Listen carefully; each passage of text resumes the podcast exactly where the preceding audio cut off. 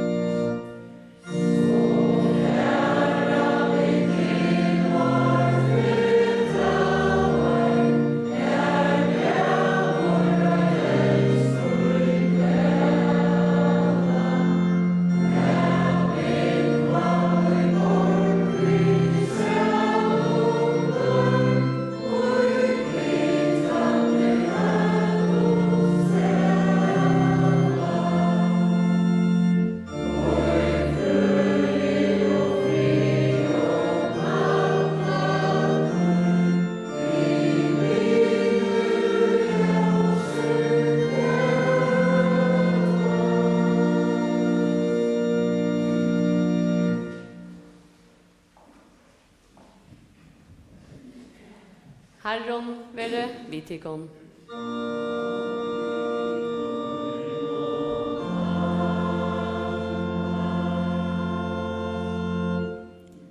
Lat jo gnut bia. Herra var god himmelske fæger, tu som vi sinu tunnon Jesus Kristi, hever oppenber åkon kvæt og gir åkon til friar. Og bia til vek og just i okra vi heilaja andatøynun, så at okra sonnun høyra årtut, og ikkje lata ta ljóa ut i Tomanheim, etla høyra ta åttan avvøkst, men halda fastvitta, liva etter tøy, og daglia vaksa i trunne og miskun tøyna, fyrir borna sånn tøyn, Jesus Krist var han herra, som vittir livur og ravur, og i einleika heilaja andans, ein sannur god om altur og æver atlar.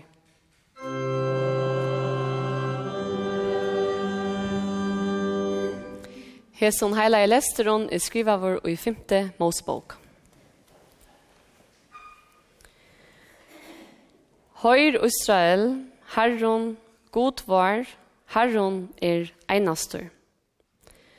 Tu skal elska Herran, god tøyn, av utlån hjertatøynon, av atlare sal og utlån måtte tøynon.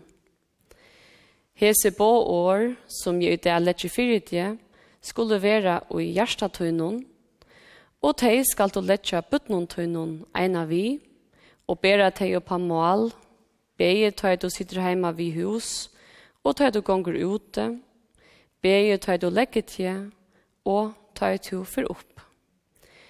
Du skal binda deg som tetjon og håndtøyna, og heva dei som avmenningar mørkje av endetøynun, og du skal skriva dei av dorastevnar og i husetøynon og av borgarlig tøyne.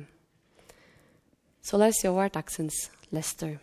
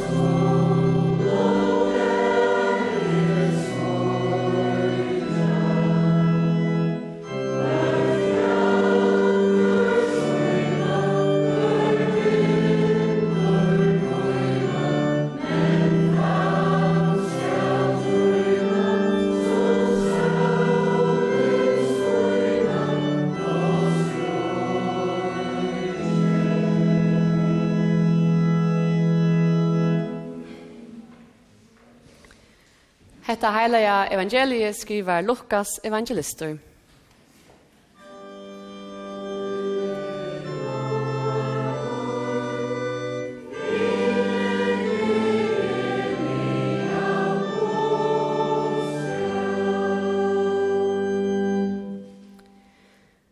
Og ta Jesus kom nærre og sa stegion, gret han om han og sier, hei tu to eisne vita, enn ta av hesum degi tunnon, hva du er til at frie.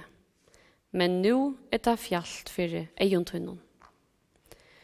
Tui at diar skulle komme atje, ta i futjundartunnur skulle lia opp eit virkje rundan om tje, og kringsetta tje, og søkja at til ur utlån etton. Ter skulle sletta tje vi gjørna, og buddentunne ui ter, og ikkje lata stein etter av stein i uiter, av tarre søk at du ikkje kjente vidkjønnar tui tuina. Og han gikk inn i halvdjedommen og tok av køra tar ut som her skjelte og sier vittar. Skriva stendur, og hus mot eier av vera et bønhus, men tigur hava gjørsta til eit ronsmannabøle. Og han lærte deglega og i halgedomen. Høvesprestanur og hinner skriftlærte og tar mætaste mennene av folkjennom, rønte a få han tikknan av døvån. Ta kunne ikke finne ut av hva der skulle gjøre, til at alt folkje hekk oppe ujonon og til lytte av han. Så jo er sånn og dagsens heilige evangelium, og år herrans værer om atler er vår. Thank you.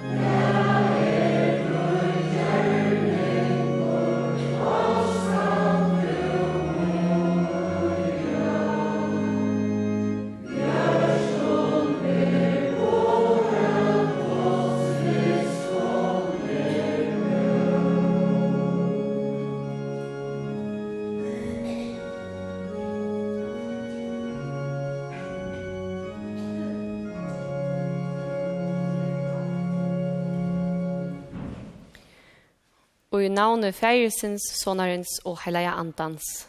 Amen.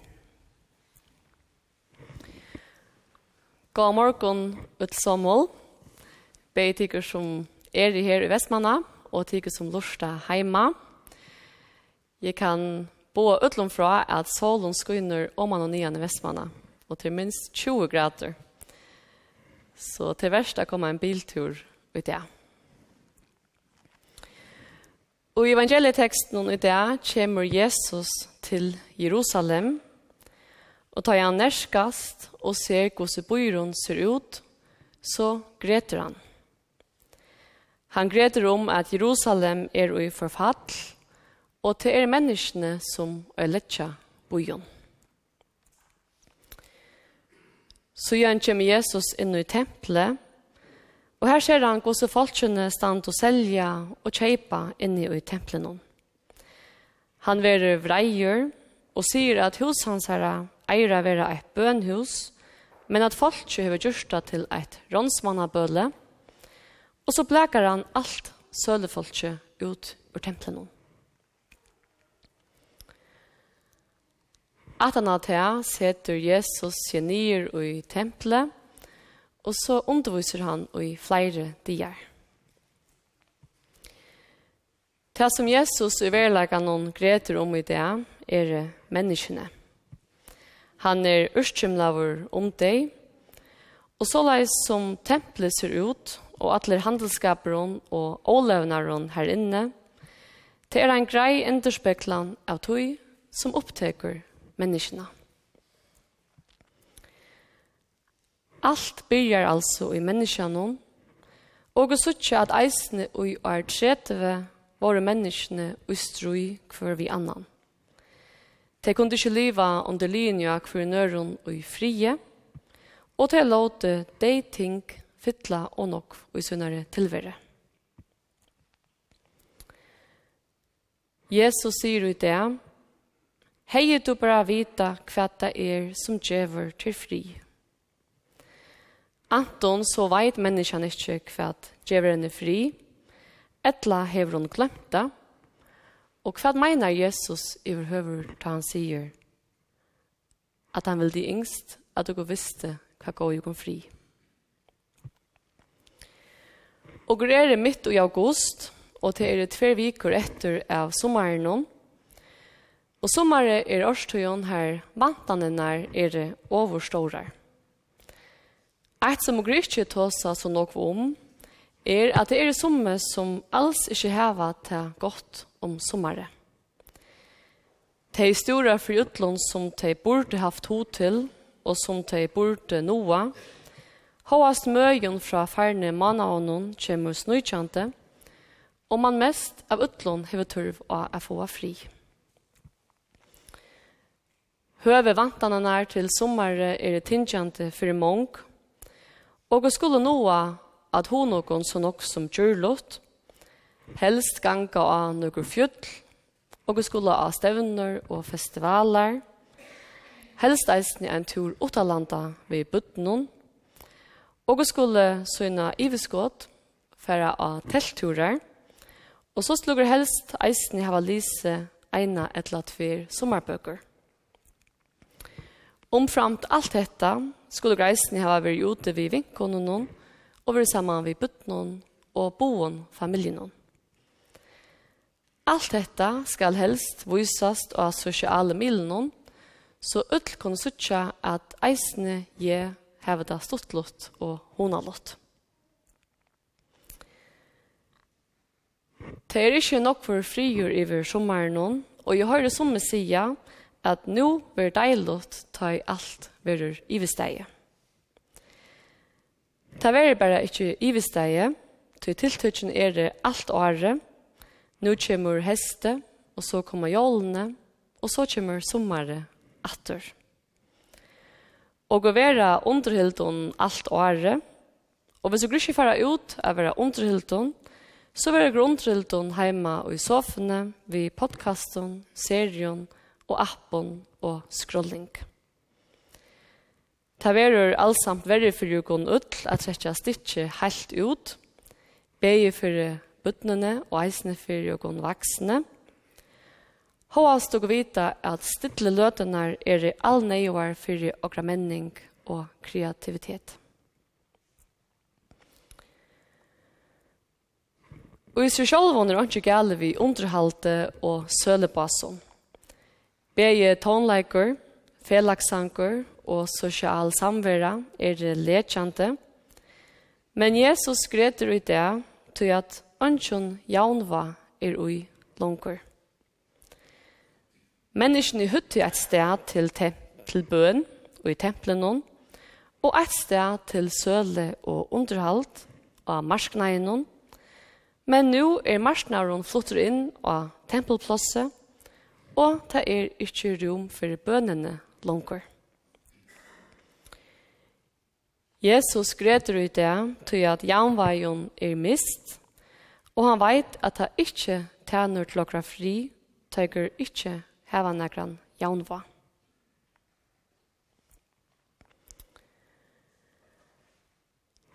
Paulus skriver i Romverjarbrevet og i omlai av 5 trus, og i kapittel 6, vers 15, sier han at han skiler ikke kvui at han ber seg at som han gjør. Han skriver så leis, «Det som jeg vil, gjør jeg ikke, men det som jeg heter, det gjør jeg». Og i ørent noen atana sier han at han veit at det er sinton som bor og noen som er årsøkjon. Og ankorsvekna er det en trøst at Paulus, som levde for 2000 år og søgjan, langt ta visste at det er ikke alltid så at idealene og okra hanga saman.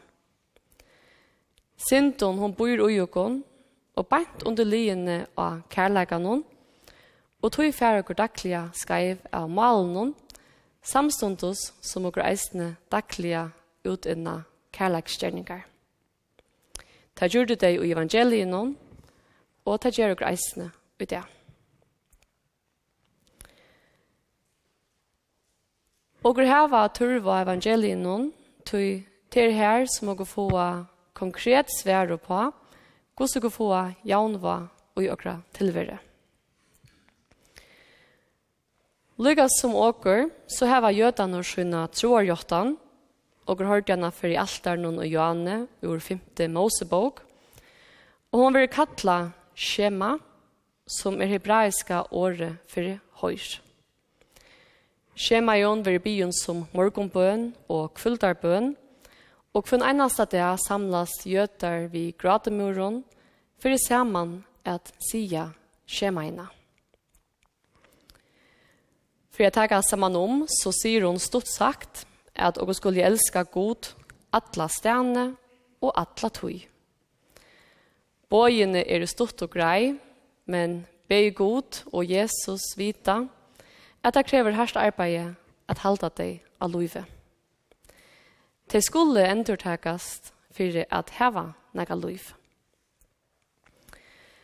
Ein områdende pastor av skjemaene er her som da stendur at jødaner skulle letja årene ui terapeuten. Bøtnene er de einaste som vera positivt nevnt ui skjemaene, som de som skulle minnast og opp alla. Hetta mestur ikkje at du ikkje eisen skulle lusta etter bøttenen og lære av dem. Du tykker som omgangast det daglige, tykker vite at de bærer miklan visdom og seg.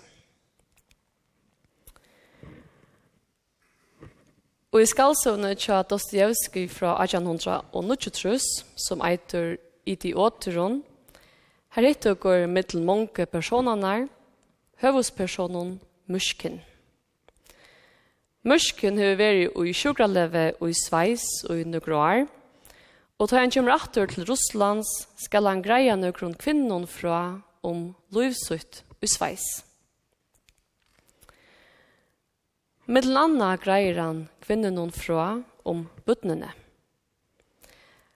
Han sier vitter at han bor jo i en luttlom boie, Og her var en stakkals kvinna som kallar just Maria, og ønsken Domtiana. Til vaksne var jord og til jo var det imellom bytnene beie hårte og sove. Til vaksne nytte kjemtar og omanna, og ville ikke kjennast Viana. Avleien Avleien var ei vita at bøttene endurspeklave sine foreldre, og får jeg syne hända samme hokbor mot Vejus Marie. Budnen råpte etter henne, kastet renne, kasta ting etter henne, og en dag lopet ona og Anna av slå henne, og ta kommer musken i mittlån. Han sier at Hetta var første dyr han byrjaði at seg ved butnene. Han er ikke rønta og avur. Og han greidde butnene noen fra at Maria var olukkelig, og at han har hetta brøttest alt så spekelig. Bøtnene byrja vi å sutja Marie som en menneske, til gjør oss gov henne, og gov i med og omsorgen. De vaksne domte etter åndsje, og de beie for å bjåa henne, og for å bjåa i mursken at ta seg ved bøtnene. Ta for jeg tog ikke butt noen oi at bliva vi, te snuktis je intlanda, og te var som av vi ene lykka til hun døye når man er skjettene av tuberkulose. Da han var deg, så pynta av buttnen kistina vi blåmån, og det hilt i eisene grøvene og i arnon som komme. Moraleron og søvende om Marie, og mursken, til vaksne, og bøtnene, han er ein falter. Bøtnene endurspekla til vaksne. Til suttja fyrst til vaksne være åra en motveis Marie, og gjerra så det samme. og ikke for en at annar vaksen kommer og visu demon av kærleikan, så vera det så brennende i andanon at det kunne ikke vera anna enn govi Marie Håas foreldrene røyna at halta butnen fra henne.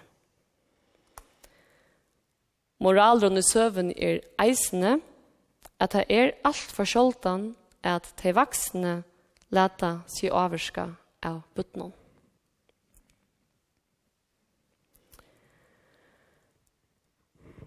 Og i det ber Greter Jesus, og han er eisende vreier. Jesus er reaksjon mot vi hos manglande romen for andalighetene viser at det er ikke lukka mykje hos vi liva, og det er heller ikke lukka mykje om dere letja godt nere og grabbut, eller ikke. Mennesker hava kropp og sal og anda, og de skulle utl, tror ryktast. Det er i 108 truss tøymar i einare vike. Kyrkjegongt er ein tøym om vikena, og sundagsskole er ein.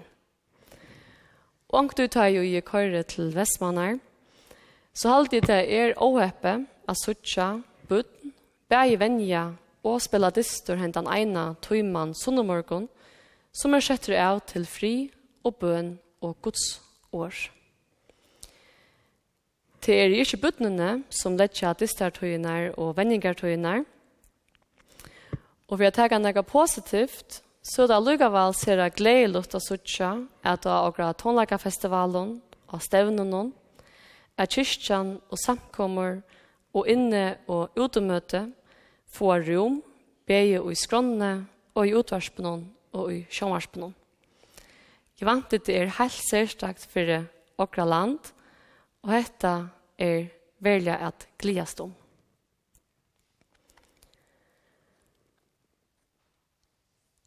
Okra samfella mennus nok sjåtare enn noko mengna at fylltja vi, og er ikkje skapt til disse ferina, til dere skulle noa så nok oppa så stotta tog. Og beint inn i hesa støvena, veitur Kristus og kontea som dere ikkje sjolve mengna. Evangeliet hever han rikve at siogon og i prestasjonssamfunnet og perfeksjonsmentanene. Tøy evangelien og evangelien og i kyrkjene snurtas seg om det som å gå få give. Guds nøye og kærleitje som verur givet noen. Foreldre elskar at djeva sunnun butnun gavar, Og i sommar er nokvbud bliv hun døpt. Og det er en stor gava at djeva sunnum battene gavana er lata ta døypa. Jeg pleier å si at vi dopsforeldrene at det som fører fram i dåpen er av en hatt omvendt av utlån øren som fører fram i okra løyve.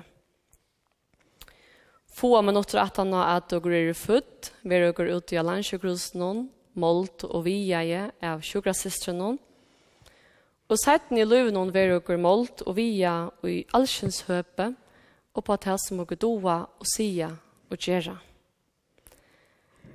Og okker skulle alle tøyne avrika okra besta og om det ikke er godt nok er vant til fyrre at okker være fravalt. Og i dåpen hun ver hetta vent av hudde og i dåpen hon skulle gå bare teka i motor teka motor kærlegan hon og signingene og gavene, at god vil være vi og kun, beie tøyta gongrukon vi, og tøyta gongrukon imot.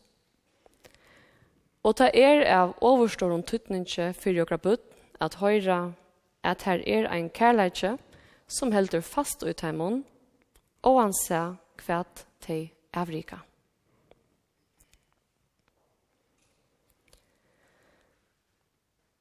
det er en symbolikker og Jesus ut det, kommer og ser tempelet og renser det, og at han sitter han i diavus og underviser i samme sted. Folk kom og høyre han, og så at jeg stæter ut i verden. Hette er en mynd på at kristna menigheten skal taka tempelet vi ut i verden. Jesus vil skidante og i diavis og forteller lærersvennen om lyknelser og avarater i motor til man skriftlærte. At han sitter her lunsje er en mynd på at tillokna noen av evangelien noen og noen, hon henter ikke bare en affær, og så behøver så ikke at høyre det atter. Og grava turva at høyre evangeliet om atter og om atter, og som tekster under Gamla Testamentet sier, så skulle dere si at vi er vi og krabbet, om atter og om atter. Og god hjelp i åkken vi tog. Lov og tukk og atler heier verit her, gode varon, feir, sine og heilavon anta, som alltid hever vere, er, og alltid verer ein sannur tru einur god, ha lovar for fyrste opphave, nu om atlar avur. Amen. Læt jokken utl bia. Og bia til god og feir okra, ver to tjokken utlund vi nøye og hjelp tøyne. Valsigna og varva et kyrkjutøyne og samkommer her til åkon og vuja om heimon, og valsigna og varvet tunne heila ved sakramentet, så at hei med vera omsitt og rett, og lat årtutt hava frukt at færa.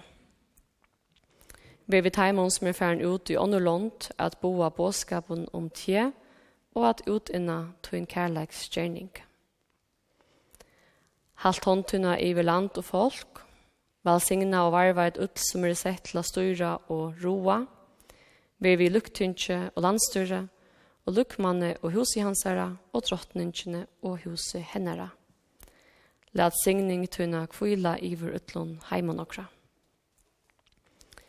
Ver vi buttnon og taimann unke, valsigna arbeid herra som er i ombuttnene og tei unke, valsigna skolans arbeid, og ver vi folkje okra bei hera lande og i fremmanton, London.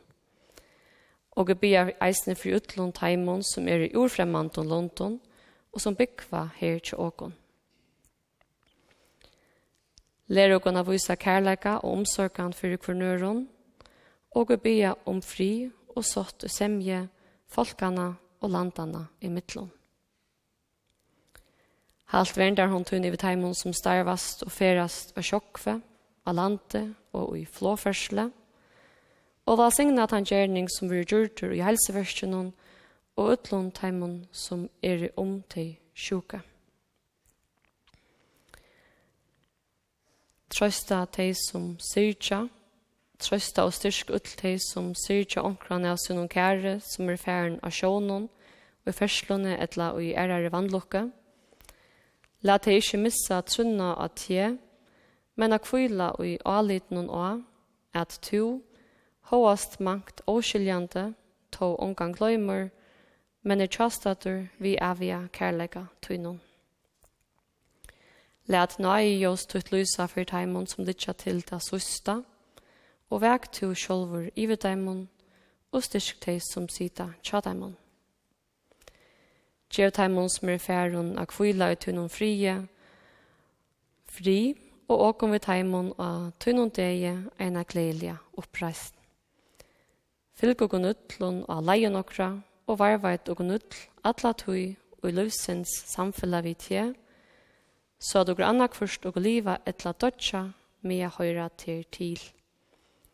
Høyra okkon og i Jesu navne. Amen.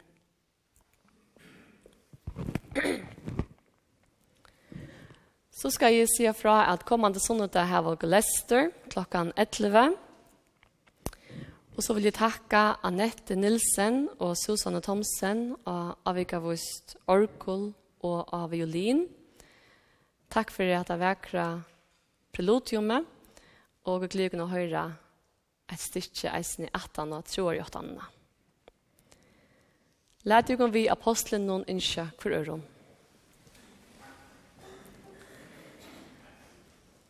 Herrens Jesu Krist nøye og kærlighet til Guds, Samfella hela andans, veri vi jo kun utlån.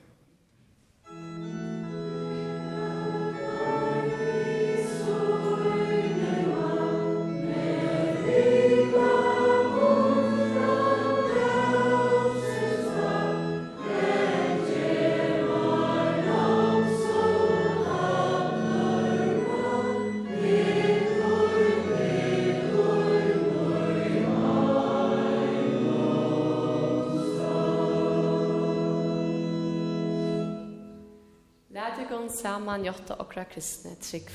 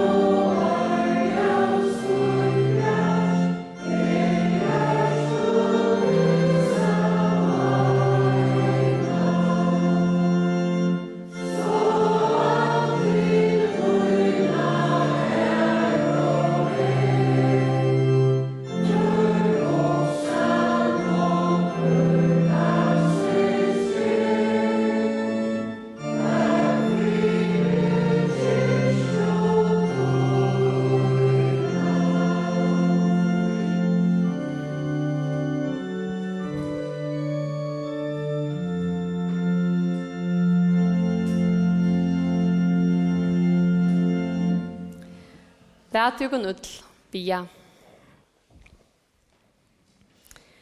Herre var god himmelske fægjør, og takka til til at du i mykle nøye og miskunn tøyne, hevi givi og gon tøyt heilige år, og vi tøy saunar hina kristne kyrkjetøyna eisne her til åkken.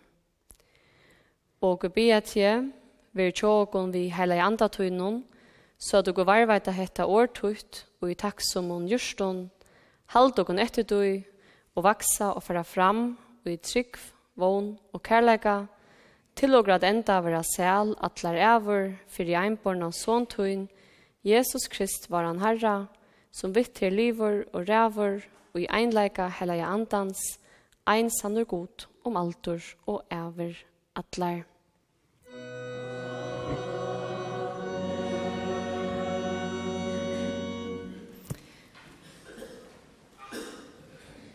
Herren valsigne tje og varveite tje. Herren la det annerledes ut lyse iver tje og vær til nøyver. Herren lytte opp asjonssyna iver tje og djevet deg fri.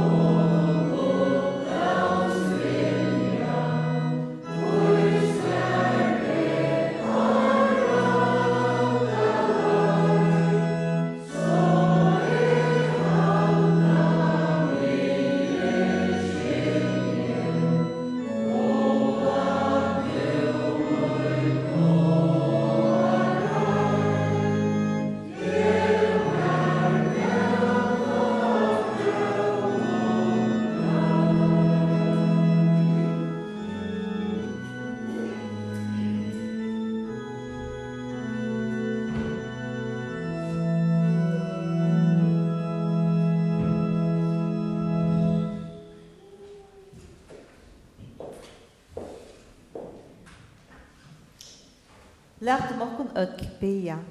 Herre, jeg takkje til her av öllum hjarta munnen, fyrir at du hefur lært meg hva du vilt at jeg skal tryggva og gjera. Hjelp meg og god munn, vi høyla va anda tunnen, fyrir Jesu Kristskuld, at jeg må varvøyta årtut og i røynun hjarta. Av tog styrstast til trunne, og i høylavun levna i batna, og med vi til og i luive og deia ukka. Fægir var, tusen versta himnon. Høylat ver navn tutt, kom rujtje tutt. Vere vilje tuin, som i himne, så jeg gjør. Gjev okkon i det okkara daglige brei, og fyri gjev okkon sinter okkara, så som vit øysne fyri gjev av tøymon, og i i okkon sinta. Og løy okkon ikkje og i frøstengar, men frels okkon fra til ytla. Tog jeg tutter rujtje, valde og høyren om atler ever. Amen.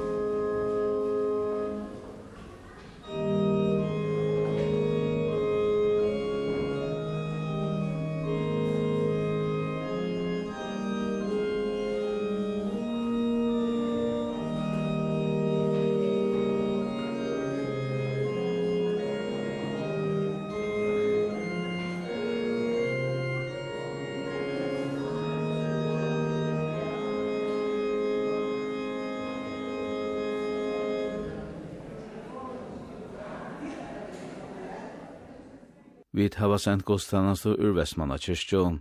Steintor Adlei seg Johansen prestur pratikaja, og teknikar i utkyrkjene var Johnny Olsen. Til ber at lortet til dagsens godstanastu av netenon, vi at fer inna kvf.fo, trusta atronava, og så gjerne godstanastu i utvarspenn.